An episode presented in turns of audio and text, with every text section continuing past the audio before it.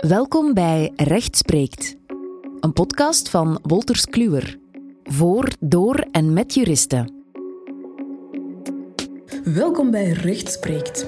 We zijn weer terug na onze zomerreeks met een nieuwe aflevering over de besloten vennootschap. Die nieuwe rechtsfiguur maakt deel uit van het nieuwe vennootschapsrecht en Ruud Bonen spreekt erover met Herman de Wilde van EY Law. Hoe zit de nieuwe BV in elkaar en wat is het verschil met de vroegere BVBA? En ook niet onbelangrijk, waar moeten we op letten? Wat zijn aandachtspunten?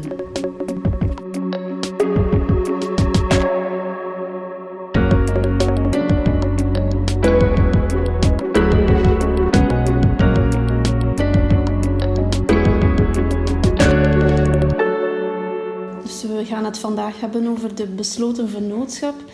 Is een nieuwe vennootschapsvorm en de invoering ervan is onderdeel van de hervorming van het vennootschapsrecht. Um, kunt u die hervorming eerst wat kaderen? Waarom was die precies nodig? En uh, wat is precies de plaats van de, van de BV daarin? Wel, de hervorming is voornamelijk ingegeven, en dat is een evolutie die me al een tijdje bezig zit op internationaal vlak, is wat men noemt een soort regulatory competition.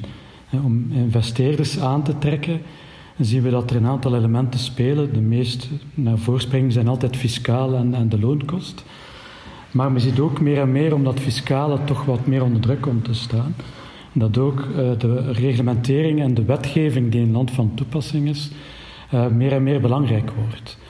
En op dat vlak, uh, er is ook een soort communicatie geweest, een aantal jaar geweest, geleden sorry, vanuit de commissie, waar dat de commissie een plan naar voren geschoven heeft om een modern Europees vennootschaprecht te gaan lanceren, juist omwille, uh, omwille van investeerders te kunnen gaan aantrekken.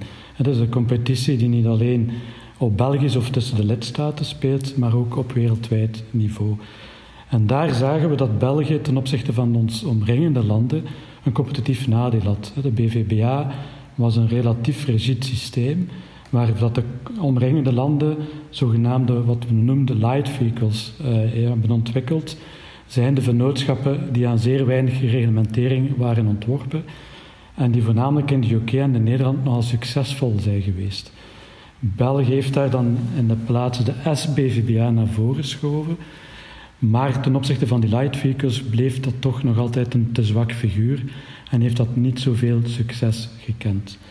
En het is vanuit die gedachte dat men dan de BVBA naar voren geschoven heeft en dat men gezegd heeft we moeten een alternatief bieden voor wat uh, de omringende landen uh, aanbieden om ook investeerders naar België te kunnen gaan aantrekken. En men heeft dus van de BV, waar dat het vroeger zeer rigide systeem is, nu naar een zeer competitief model proberen te om te vormen, waar men in feite de regels facultatief heeft gemaakt. En waar ze vroeger dwingend waren, kan men daar nu volledig van gaan afwijken in zijn statuten en kan men een zeer flexibel vorm uh, naar voren schuiven. En dat is ook een van de redenen, de andere, waarom dat men van de werkelijke zetelleer naar de statutaire zetelleer is overgestapt. Dat de regel waarbij in feite het vennootschappenrecht de vennootschap zal beheersen van het land waar dat de vennootschap is opgericht. En men hoopt dus in België investeerders te kunnen gaan aantrekken met een flexibele BV, om dan zo uh, die hier aan te trekken, ook als een op operationele activiteiten in een ander land liggen. Maar men gaat vanuit, als men hier opricht, dat dat zeker werkgelegenheid en toch een zekere meerwaarde gaat gaan aanbieden. Dat is, een, mm-hmm. dus dat is de reden waarom de, de BV naar voren is geschoven, om proberen een competitie, competitief te zijn ten opzichte van de omringende landen. Dus het is eigenlijk toch meer dan alleen maar de oude BV in een nieuw jasje. Of de oude BVBA in een nieuw jasje. Ja, het is, het is een volledig context dat we moeten gaan zien op internationaal vlak. België, zeker op vlak van loonkost, is al niet zodanig hoog aangeschreven. Maar zij probeert nu, en België had al op dat vlak een vrij competitief vennootschappenrecht, maar voor de BVBA was die te rigide. En men, mm -hmm, ja. en men zag wel de laatste tijd dat de BVBA mm, weer meer werd gekozen ten opzichte van de NV. Zeker wanneer eh, sinds de afschaffing van de toonderaandelen. Vroeger was de NV nogal populair omdat men toonderaandelen had. En zoals iedereen ook wist, de aandelen gemakkelijk van vader op zoon konden worden overgedragen of op dochter konden worden overgedragen, zonder dat er erfenisrechten of schenkingsrechten moesten betaald worden. Maar door afschaffen van die toonderaandelen was dat voordeel natuurlijk van de NV vervallen en zag men toch ook weer een evolutie uh, waar men meer naar de BVBA ging grijpen. Maar dat botste me wel op die rigide systemen. En bijvoorbeeld met betrekking tot de overdracht van de aandelen die al vrij strikt waren gereglementeerd. Of de regel waar dat elk aandeel gelijke rechten moest hebben. En het is op die vlakken dat men daar nu volledige versoepeling of vereenvoudiging heeft, heeft doorgevoerd. Mm u verwees naar het Verenigd Koninkrijk en Nederland.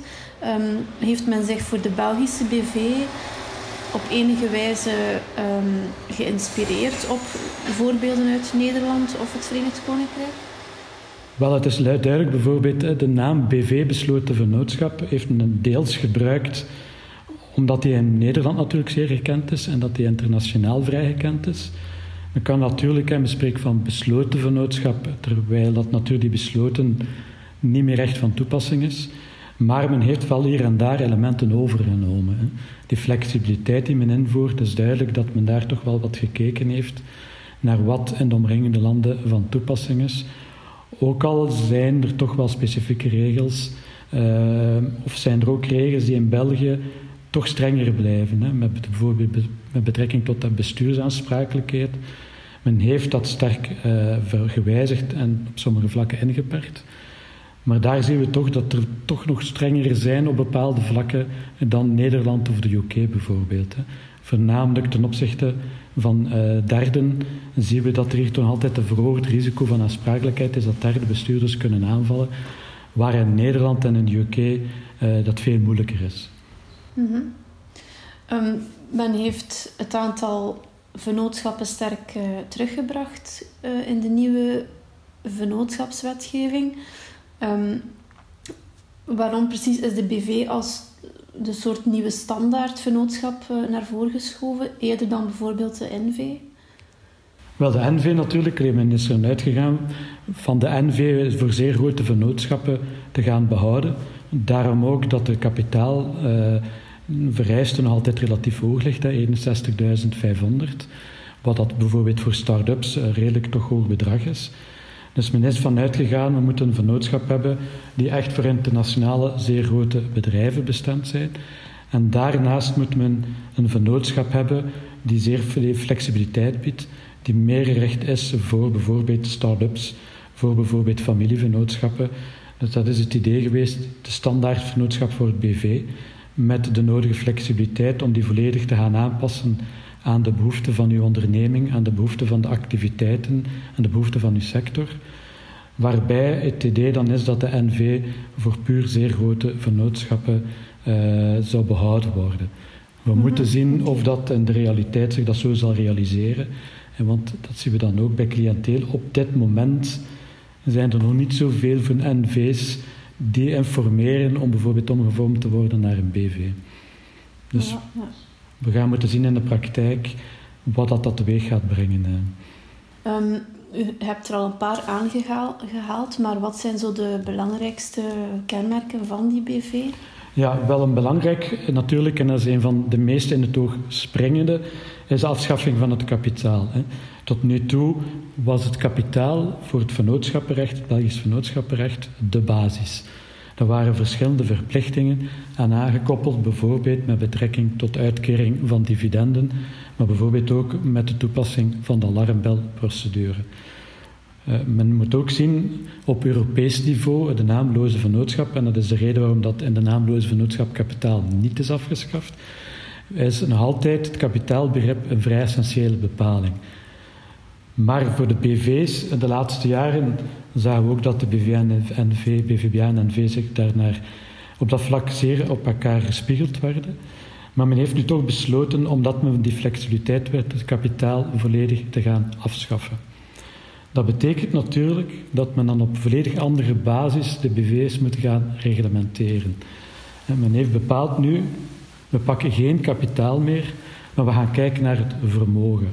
Omdat dat ook een veel realistischer beeld geeft van de werkelijke financiële toestand van de vennootschap. Vroeger werd gezegd, kapitaal dient als een buffer voor de schuldeisers op het moment van faillissement. En men zei, dan is dat toch nog uh, het bedrag dat ter beschikking zou moeten zijn om eventueel schuldeisers te gaan uitbetalen.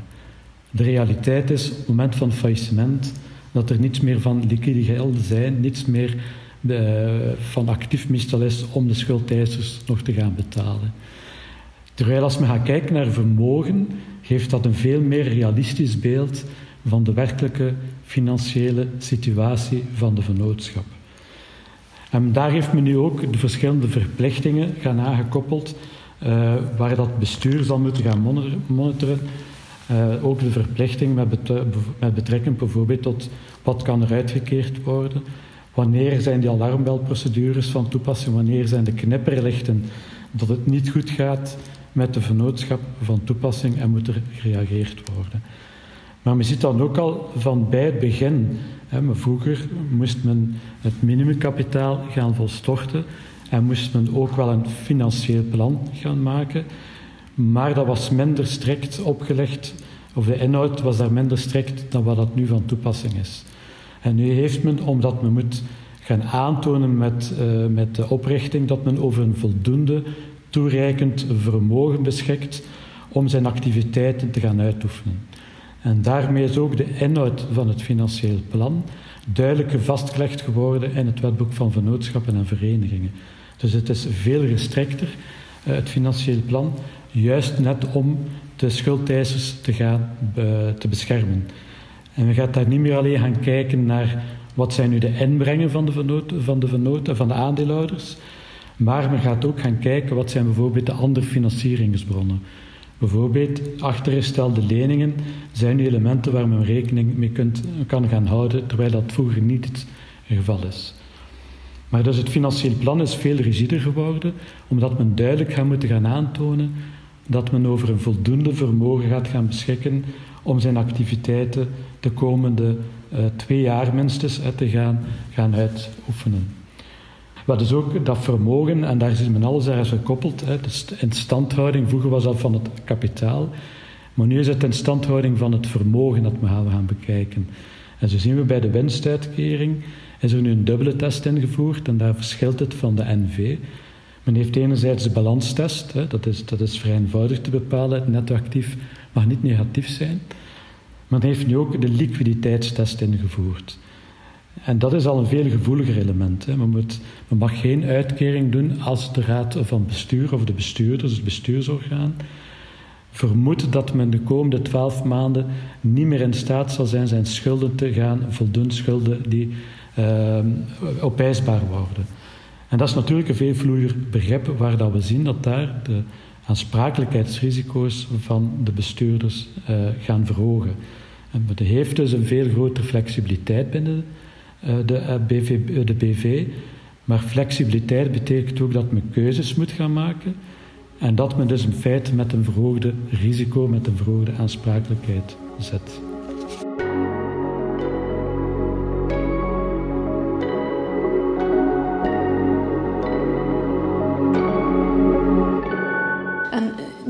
Aansprakelijkheid, is die groter dan bijvoorbeeld in een NV?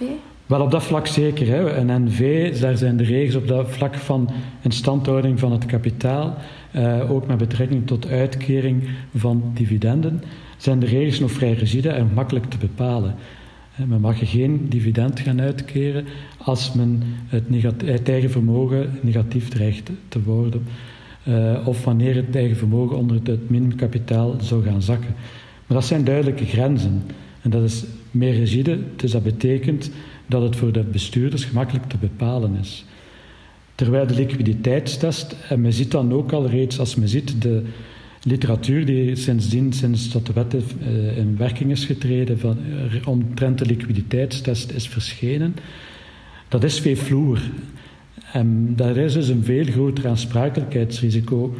Want je moet daar gaan zien, ja, gedurende twaalf maanden dat men zeker is in feite dat men aan zijn schulden zal kunnen gaan voldoen. Maar dat betekent ook dat men in feite constant moet gaan monitoren. Kan ik mijn schulden nog gaan voldoen de komende twaalf maanden? Als er daar twijfels over bestaat, dan gaat dat de alarmbelprocedure gaan triggeren. De alarmbelprocedure die voor de BV nu zegt, van als, wanneer men twijfelt dat men de komende twaalf maanden zijn schulden zal kunnen gaan voldoen, moet men de alarmbelprocedure in hang zetten. Maar dat is natuurlijk iets dat men constant moet gaan opvolgen dan, waardoor men dus een veel verhoogde aansprakelijkheidsrisico heeft, wat niet het geval is in, in de naamloze vennootschap. Dus wat ook een belangrijke wijziging is, en dat is ook een verschil ten opzichte van de naamloze vennootschap, is dat men in de BV voortaan arbeid gaat kunnen inbrengen. Dus nijverheid kan gaan inbrengen. En tot op heden werd gesteld dat arbeid niet kon worden ingebracht in het kapitaal, omdat dit naar economische maatstaven niet waardeerbaar was. Het, het, hoogste wat men daar kon voor gaan uitgeven in een NV waren winstbewijzen, maar in een, in een BVBA bestond dit niet, dus kon men in feite daar niet zoveel mee aanvangen. En dat was voornamelijk nadelig voor start-ups. Iedereen weet dat die start-ups, dat daar veel tijd en arbeid in uh, betrokken geraakt, maar we konden geen aandelen gaan toekennen. En dat heeft men nu aangepast voor de BV. De BV kan voortaan, nijverheid kan men voortaan, arbeid gaan inbrengen. Daarbij is het dus wel belangrijk dat men, wanneer dat bijvoorbeeld die persoon ziek zou vallen, of dat hij zijn arbeid niet levert, dat men in de statuten gaat gaan voorzien wat daar in dat geval gebeurt. De wet bepaalt ook wel een aantal regels. Als men niet zijn arbeid levert, dan gaan die aandelen komen te vervallen. Of wanneer men tijdelijk niet staat is zijn arbeid te gaan leveren, gaat uh, de rechten, wanneer dat tot meer dan drie maanden duurt, gaan de rechten die gekoppeld zijn aan die aandelen geschorst worden tot wanneer men weer zijn arbeid kan gaan aanvatten. Wat is nog een belangrijk kenmerk, en dat is vrij essentieel, is dat men voortaan een regeling in de statuten kan gaan voorzien voor de uittreding en uitsluiting van de aandeelhouders uh, te lasten van het vermogen van de vennootschap. Zoals u dat juist aangaf, zijn er een aantal vennootschapsvormen uh, afgeschaft geworden. En een daarvan is de CV, CV, de coöperatieve vennootschap met onbeperkte aansprakelijkheid. Maar men heeft nu ook voor de coöperatieve vennootschap met beperkte aansprakelijkheid opgelegd dat die nog puur en alleen mogen gebruikt worden voor vennootschappen of activiteiten die het coöperatieve gedachtegoed uh, uitdragen. Dus betekenen dat die in feite actief zijn voor ten voordele van hun aandeelhouders of derde belanghebbenden. Wat betekent dat men nu met veel coöperatieve vennootschappen zitten die niet echt aan het coöperatief gedachtegoed voldoen. En zij in feite moeten gaan hervormen. En men verwacht dat veel daar die besloten vennootschap zullen gaan gebruiken, waar dan dat uitreding en uitsluiting eh, te lasten van het vermogen essentieel is. En dat is ook iets dat niet in een naamloze vennootschap van, van toepassing is. En dan nog een, belangrijk iets ook, uh, er zijn natuurlijk nog veel andere kenmerken, maar wat ook nog in het oog springt, is dat men voortaan, hè, waar dat vroeger van één aandeel, uh, stemrecht gekoppeld was, krijgt men daar nu ook de volledige vrijheid in, in de BVBA. De basisregel blijft natuurlijk dat één aandeel één stemrecht is, maar men kan in de statuten daar volledig van gaan afwijken. En de enige beperking die nu nog geldt, is dat er minstens één aandeel één stemrecht moet hebben, omdat men natuurlijk anders nooit kan gaan gaan stemmen op de algemene vergadering. Maar ook bijvoorbeeld met, met uh, winst, eh, toekennen van eh, de winstrechten en dividenden, heeft men nu een volledige vrijheid. En we kan men bijvoorbeeld uh, veel grotere winst, gaan toekennen aan bepaalde aandelen en andere minder winstrechten gaan toekennen, wat bijvoorbeeld belangrijk kan zijn voor start-ups die financierders gaan aantrekken. En waar dat die financierders meestal meer natuurlijk geïnteresseerd zijn in de financiële opbrengsten dan in het puur management van de vennootschap. En dat is ook nog belangrijk. Vroeger kon men de aandeelhouders nooit uitsluiten van delen in de winsten, maar ook niet van delen in het verlies. En dat is ook een belangrijke wijziging. Men kan voortaan wel gaan bepalen dat bepaalde aandeelhouders niet moeten delen in de winsten. En dat zal ook meestal gebruikt worden voor financierders die puur de start-ups financieel gaan ondersteunen. Waar dat vroeger me soms terughoudend was, omdat men weet, start-ups is zeer zwaar risico. En dat men weet van daar kan ik nogal wat verlies leiden. Heeft nu een mogelijkheid om die volledig te gaan beschermen tegen uh, deelname in het verlies, tegen eventuele verliezen die zouden gerealiseerd worden.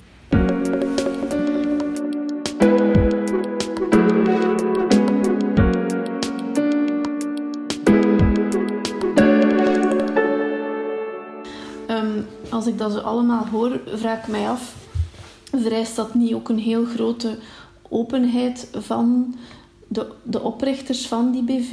Bijvoorbeeld ehm, als men die liquiditeitstest moet gaan doen, dan moet je, lijkt mij toch heel veel extra informatie delen met je, met je bestuur? Of, of uh, zie ik dat nou, wel, Het is natuurlijk, uh, wat dat belangrijk is, zeker bij de oprichting, is dat men goed nadenkt in eerste instantie over zijn statuten als we kijken naar de statuten, de basisstatuten van de BV, dan gaat men nog veel terugvinden van wat vandaag tot het uh, werking treden van het uh, wetboek van vennootschappen en vereniging van toepassing was. Bijvoorbeeld met de overdracht van aandelen gaat men nog steeds het rigide systeem terugvinden waar dat men uh, bij aandelenoverdracht in feite, om kort samen te vatten, toestemming nodig had van de andere aandeelhouders. Maar men kan, hè, dus die regels zijn facultatief, dat is de basis, men kan daar volledig van gaan afwijken.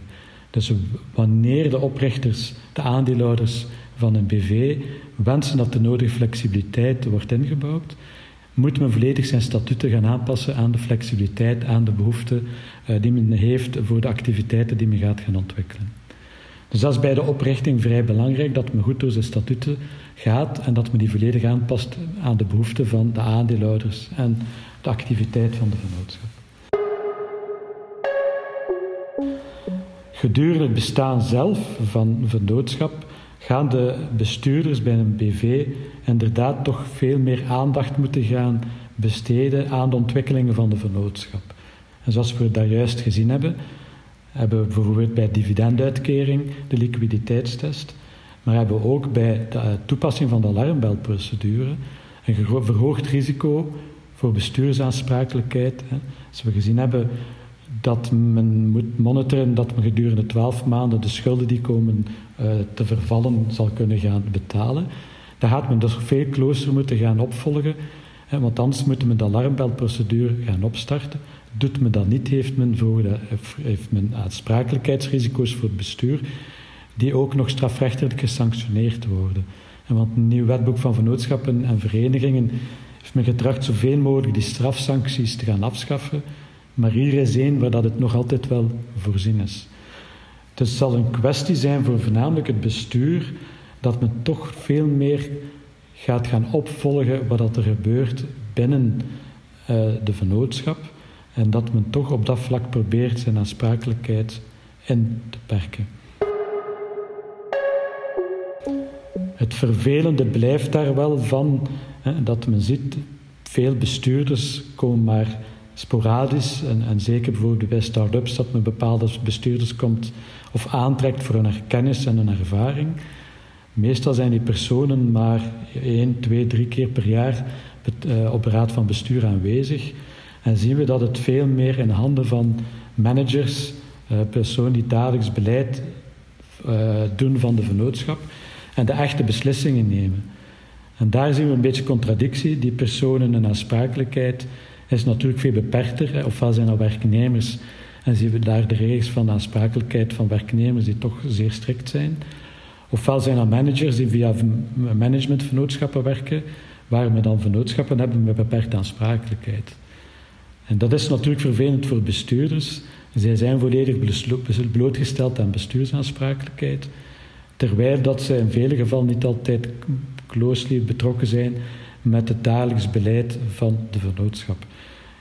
En zeker binnen de besloten vennootschap heeft men op dat vlak toch wel een verhoogd aansprakelijkheidsrisico.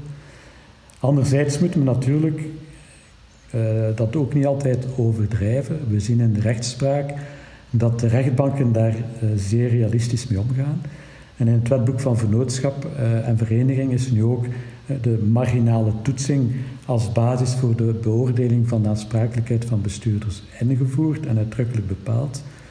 Wat betekent dat in feite een, een rechter zich zal moeten gaan plaatsen op het moment dat bepaalde beslissing werd genomen. En dat hij dus zal moeten kijken op dat moment zou een normaal uh, of meerdere bestuurders, normaal uh, handelend bestuurders, dezelfde beslissing hebben genomen, rekening houden met de elementen die toen van toepassing waren. Dus men heeft een verhoogd risico van aansprakelijkheid, maar moet dat toch ook altijd op een realistische manier gaan beoordelen. Alhoewel dat men toch de laatste tijd ziet, als we dat vergelijken met het verleden, dat er toch meer veroordelingen gaan zijn.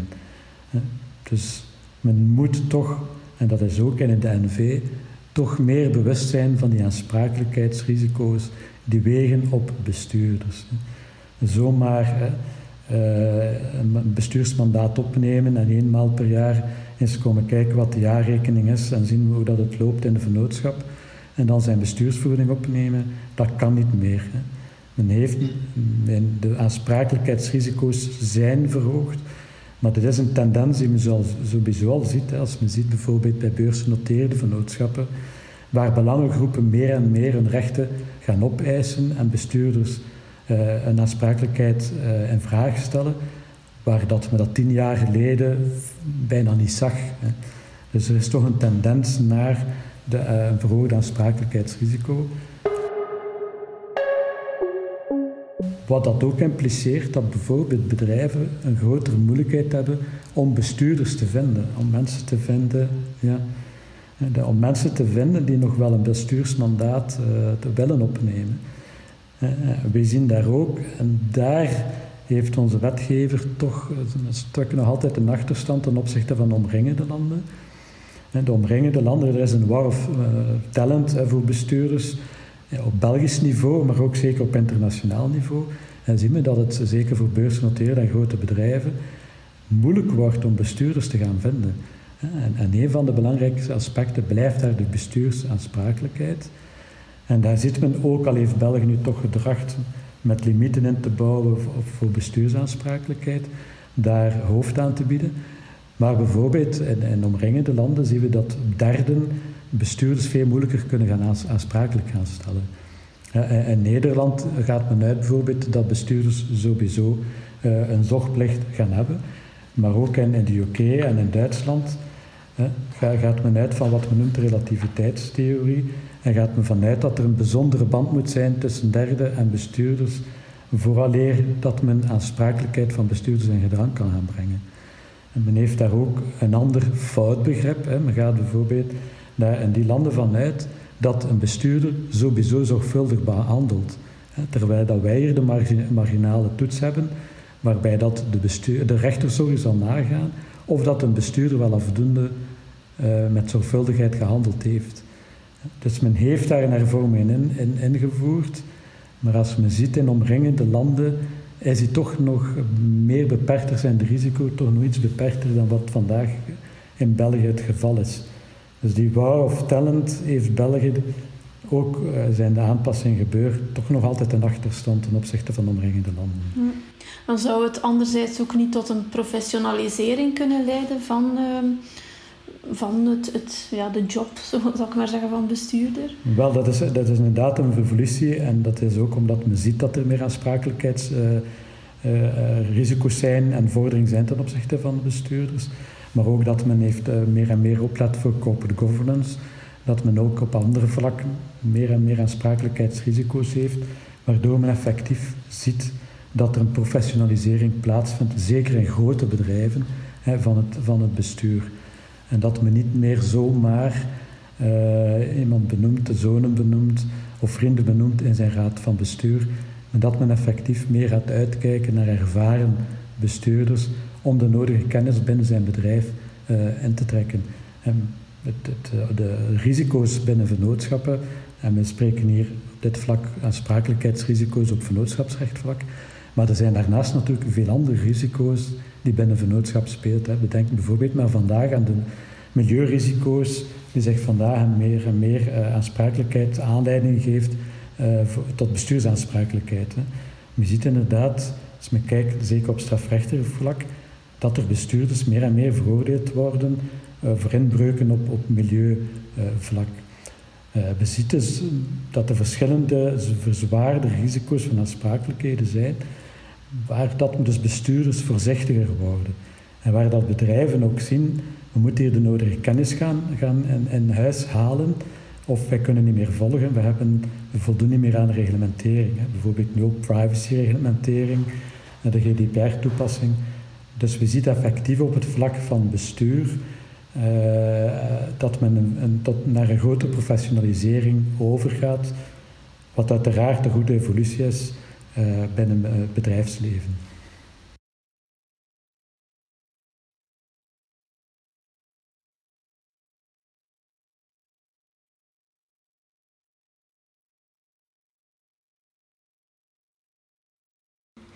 Um, u vergeleken daarnet de aansprakelijkheid met het buitenland, hè, waarbij u zegt van ja, daar heeft men toch andere um, foutbegrippen en zo. Um, zou het kunnen dat men hier in de toekomst de wetgeving aanpast in die richting? Wel, we zien natuurlijk, er is, het is een druk, er is een concurrentiedruk tussen de lidstaten. we zien daar ook enerzijds vlak uh, initiatieven op het vlak van de, uh, van de commissie. Want het is nog niet altijd geweten, maar het, het vennootschapsrecht is een van de rechtstakken waar eh, het Europees, de Europese Commissie een van de meeste initiatieven hebben genomen. En waar dat we zien dat het Europese recht of de vennootschaprecht tussen verschillende lidstaten redelijk conform is. Als men bijvoorbeeld kijkt naar alles met betrekking tot fusies, splitsingen, eh, zelfs internationaal, dus grensoverschrijdende fusies, is er zeer, zeer grote conformiteit tussen de verschillende lidstaten. Op vlak van bestuursaansprakelijkheid, en gezien die competitie, gezien de moeilijkheid om vandaag bestuurders te vinden, zou het wel kunnen dat men uh, de bestuursaansprakelijkheid meer in lijn zal trekken naar wat in omringende landen gebeurt. Maar anderzijds, als men dus ziet de discussie die er geweest is om, en dat was een van de redenen dat de goedkeuring van het wetboek van vennootschappen en verenigingen langer geduurd heeft dan verwacht, is voornamelijk met betrekking tot de bestuursaansprakelijkheid die was voorzien. En men weet nu dat er uh, limieten zijn gesteld afhankelijk van de grootte van de vennootschap op de bedragen waartoe bestuurders kunnen aangesproken worden. En dat is een van de struikelblokken geweest om die wet goedgekeurd te krijgen. en men, verwijt, verwijt sorry, dat daar werd opgeworpen is dat men zei, goed, men gaat limieten zetten op de bestuursaansprakelijkheid. Maar anderzijds, als we dan kijken naar mogelijke aansprakelijkheidsrisico's van de werknemers, ook al zijn die relatief beperkt, daar bestond geen enkel limiet op. er zijn geen limieten op bedragen. Dus het zal een beetje afhankelijk zijn naar de toekomst toe wie dat aan de macht gaat komen, hoe dat de regering zal gevormd worden. En zeker vanuit socialistisch oogpunt heeft nogal wat moeilijkheden met die beperking van bestuursaansprakelijkheid. En dat is ook de reden waarom dat de regeling dan in België weer is aangepast geworden, die dan gespiegeld is nu op wat voor werknemers van toepassing is. En dat is natuurlijk ten opzichte van het buitenland een nadeel, hè, omdat men daar striktere regels kent voor dat bestuurders kunnen aansprakelijk gesteld worden. Dus ik denk op lange termijn, als men competitief wenst of wilt blijven, dat daar nog evolutie zal op zitten. Maar het is politiek, hebben we gezien, een zeer gevoelig thema. Um, hoe schat u het zelf in, het belang van de, van de invoering? En, en vindt u het over het algemeen een goede zaak? Uh, er is daar discussies mee als men met collega's, advocaten daarover spreekt. Sommigen uh, is daar, daar niet, of zijn er niet voor, omdat men zegt vroeger hadden we een duidelijk systeem en nu zitten we meer flex, allez, toch wel wat grotere flexibiliteit, wat betekent dat er wat meer risico's zijn. Als we kunnen kijken naar wat de cliënten, en zeker op internationaal niveau, denk ik dat het een zeer goede zaak is. Uiteindelijk, eh, als men wenst investeerders aan te trekken, is het belangrijk dat men over een voldoende instrumentarium zet om België aantrekkelijk te maken. Als België is al niet zodanig geliefd, hè, gezien zijn hoge loonkost, uh, gezien de belastingen, alhoewel dat België door sommigen altijd als een belastingsparadijs wordt gekwalificeerd, omdat er toch wel wat uitzonderingen zijn. Maar eh, belastingen zetten zeker onder druk. Men ziet dat het zeer gevoelig wordt, die fiscale voordelen, als men het publiek debat daaromtrent ziet.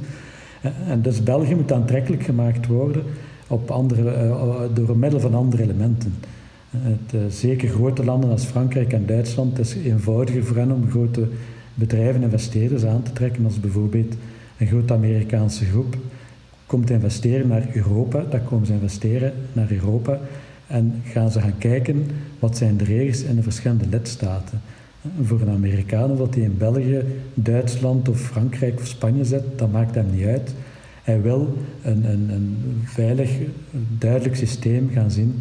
En dat is een, men spreekt altijd van fiscaliteit is een enorm nadeel van België.